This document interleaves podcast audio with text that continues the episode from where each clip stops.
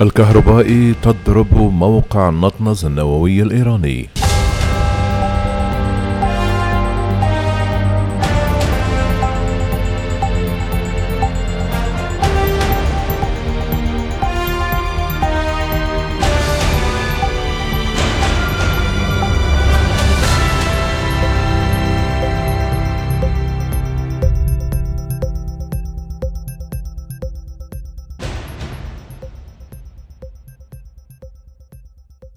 عانى موقع النطنز النووي الإيراني من مشكلة يوم الأحد تتعلق بشبكة توزيع الكهرباء الخاصة به.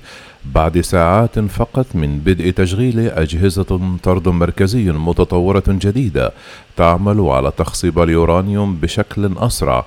وذلك حسب ما أفاد التلفزيون الحكومي وهذا أحدث حادث يضرب أحد أكثر المواقع أمانا في طهران وسط مفاوضات بشأن الاتفاق الذري الممزق مع القوات العالمية.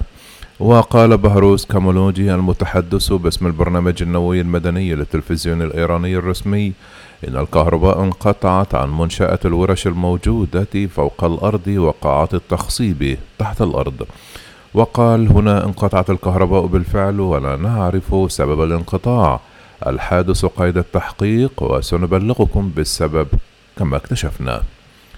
كما يدين استخدام كلمة تلفزيون الدولة المستخدمة في تقاريره المنسوبة إلى كامولونودي بالفارسية للتعبير عن حادث. وقالت الوكالة الدولية للطاقة الذرية ومقرها فيينا والتي تراقب البرنامج الإيراني إنها على علم بالتقارير الإعلامية لكنها امتنعت عن التعليق.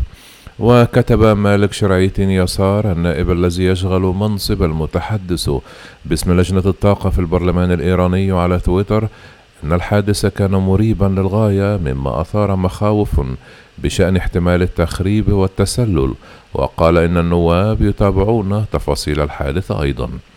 تم بناء منشأة نانتز التي استهدفت في وقت سابق من قبل فيروس الكمبيوتر ستانكس إلى حد كبير تحت الأرض لمقاومة الضربات الجوية للعدو وأصبحت نقطة اشتعال للمخاوف الغربية بشأن برنامج إيران النووي في عام 2002 عندما أظهرت صور الأقمار الاصطناعية أن إيران تبني منشآتها للطرد المركزي تحت الأرض في الموقع.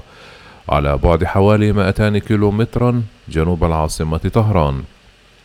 تعرضت المنشأة نانتز لانفجار غامض في مصنع تجميد أجهزة الطرد المركزي المتقدم في يوليو المنصرم والذي وصفته السلطات لاحقا بأنه تخريب.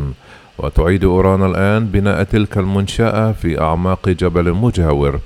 ويشتبه في قيام إسرائيل العدو اللدود لإيران في المنطقة بتنفيذ هجوم هناك فضلا عن شن هجمات أخرى حيث تتفاوض القوى العالمية الآن مع طهران في فيينا بشأن اتفاقها النووي. كما ألقت إيران باللوم على إسرائيل في مقتل العالم الذي بدأ البرنامج النووي العسكري للبلاد قبل عقود. ولم تعلن إسرائيل عن أي من الهجمات على الرغم من أن رئيس الوزراء بنيامين نتنياهو وصف إيران مرارا بأنها التهديد الرئيسي الذي واجهته بلاده في الأسابيع الأخيرة.